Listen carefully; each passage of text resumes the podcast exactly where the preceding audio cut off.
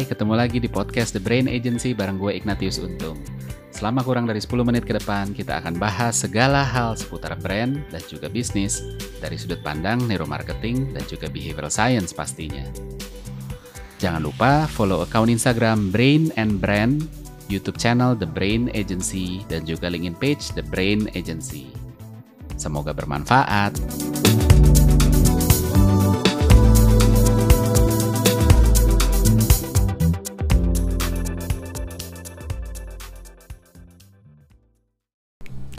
Pernah dong beli snack ya? Snack snack ini loh apa yang kayak crackers kayak chips gitu kan kayak apa namanya kentang dan lain sebagainya gitu ya yang dalam kemasan gitu ya. Uh, terus sebel sebel karena ih kemasannya gede banget begitu dibuka gitu ya. Ternyata isinya segitu doang gitu kan uh, kita kita sebel karena sebenarnya kita ngerasa ditipu gitu kan. Wah kita ngelihat kemasannya gede nih gitu kan. Kita ambil kita beli harganya kita menjustify pantas apa nggak dihargain segini kan dari kemasannya. Karena kita nggak bisa lihat isinya orang isinya nggak transparan gitu ya. Uh, tapi terus begitu nyampe rumah kita buka ya ampun kecil banget. Dan kita sebel karena ini kayaknya dikecilin bisa apa enggak ya? Harusnya sih bisa gitu ya. Jadi uh, sebenarnya nggak nggak butuh-butuh banget dikasih kemasan uh, apa namanya segede gitu ya. Uh, nggak tahu ya hitungannya secara apakah ada teknologi uh, penyimpanan kemasan makanan ini yang harus punya ruangan atau apa itu saya nggak tahu ya tapi dari sisi apa namanya dari sisi brand dari sisi gimana kita milih itu cukup menyakitkan lah ya gitu ya nah otak kita memang dalam segala hal itu nggak punya meteran gitu ya. Kalau kita beli barang kita mau nawar uh, kita nggak tahu harga yang pantas tuh berapa sih jarang banget kita tahu gitu ya. Jadi lebih banyak memang kita uh, nawar dari harga bukanya berapa gitu kan. Atau uh, kalau harganya nggak uh, apa namanya bukan cuma dari harga tapi kita juga nilai dari misalnya uh, kemasannya bagus apa enggak sih? Tokonya oke okay apa enggak? Brandnya oke okay apa enggak sih? Dan lain sebagainya. Beli snack juga sama. Kita cuma bisa baca ini 200 gram yang ini 235 ini 300 ini 400 gitu. Tapi kita nggak punya bayangan uh, apa snack kentang uh, chips ini yang 200 gram tuh banyaknya berapa sih? Cukup bikin kita kenyang apa enggak? Sehingga kita ngukurnya berdasarkan uh, kemasannya tadi gitu kan. Nah belum lagi susahnya lagi gini uh, beda snacknya snack kan beda-beda ya. Ada yang uh, ada yang dari singkong ada yang dari kentang ada yang dari tepung ada yang macam-macam gitu kan. Yang uh, berat jenisnya beda-beda sehingga sama-sama 200 gram isinya bisa juga beda gitu kan.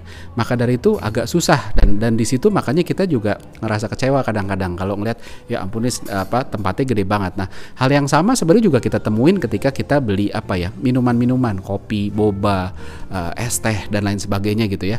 Uh, sampai fast food. Fast food juga sama gitu loh. Gelas minuman kopi nih kita beli minuman kopi milih gelasnya gitu ya.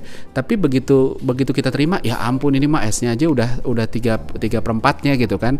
Uh, boba juga sama gitu. Kita nggak bisa kontrol jumlah esnya. That's why makanya di ber, di berbagai apa namanya coffee shop, tukang minuman dan lain sebagainya, biasanya uh, minuman-minuman hangat itu lebih mahal dibanding minuman dingin. Kenapa? Karena minuman hangat nggak bisa diganjel pakai es gitu kan. Jadi memang harus benar-benar pure minuman. Sementara kalau minuman dingin bisa ditambahin es yang banyak sehingga kelihatannya banyak gitu ya.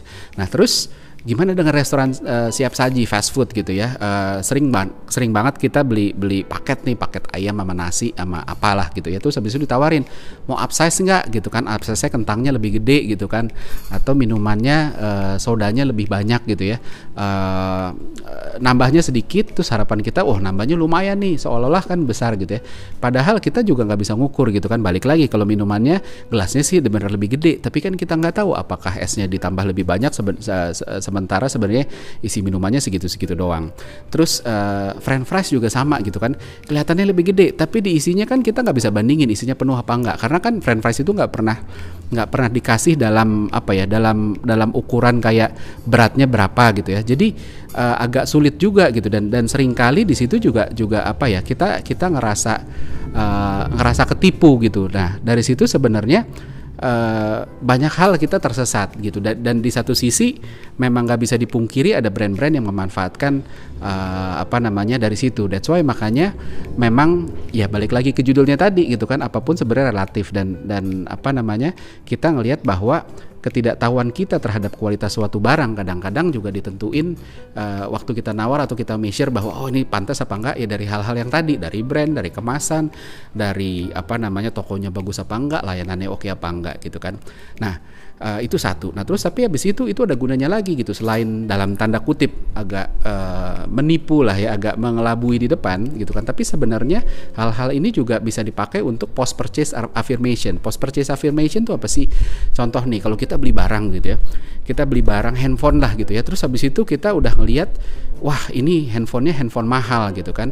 Uh, kita kan pengen uh, apa ya pengen ngerasa bener keputusannya gitu kan. Nah uh, udah udah harganya mahal kalau nggak kelihatan oke okay kan malu-maluin gitu kan. Nah kalau kalau produk kan udah nggak bisa diapa-apain. Nah tapi uh, kayak apa ya desain kemasan kualitas kemasannya itu bisa ngebantu di sana. Sehingga ketika kita beli wih iya nih emang nih handphone yang layak dihargain segini kemasannya aja mahal gitu kan. Jadi seolah-olah uh, apa ya seolah-olah itu menggambarkan kualitasnya padahal sih enggak juga gitu kan. Balik lagi tadi segala sesuatunya relatif gitu kan.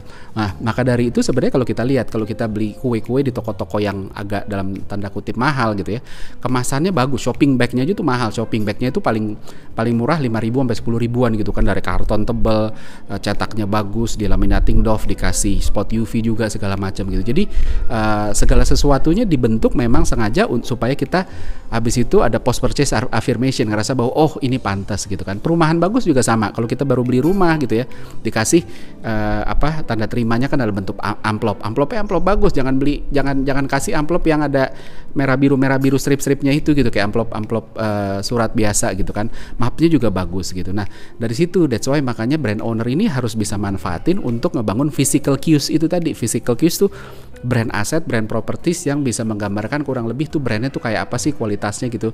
Supaya konsumen bisa ngukur dari sana gitu loh. Oh ini uh, kualitasnya kurang lebih segi, uh, segitu gitu. Nah cuma ada tipsnya nih. Tipsnya yang paling penting yang nggak boleh dilupain adalah ingat yang apa ya uh, konten saya yang sebelumnya video yang saya yang sebelum sebelum sebelumnya gitu ya. Uh, saya ngomong bahwa uh, perception pada akhirnya brand kan ngomongin soal persepsi.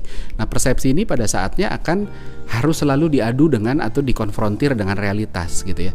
Nah hati-hati jangan sampai kita jualan jualannya jualan rumah bukan jualan amplop bukan jualan map gitu jadi amplop sama mapnya bagus untuk bukan untuk mendongkrak kualitas rumah tapi untuk menghin, untuk mengimbangi kualitas rumahnya. Jadi apa pun uh, apa namanya kolateral yang kita buat penting untuk punya yang bagus tapi bukan untuk mendongkrak tapi untuk ngimbangin gitu ya. Jadi jangan sampai persepsinya diciptakan terlalu tinggi sementara realitasnya nggak segitu.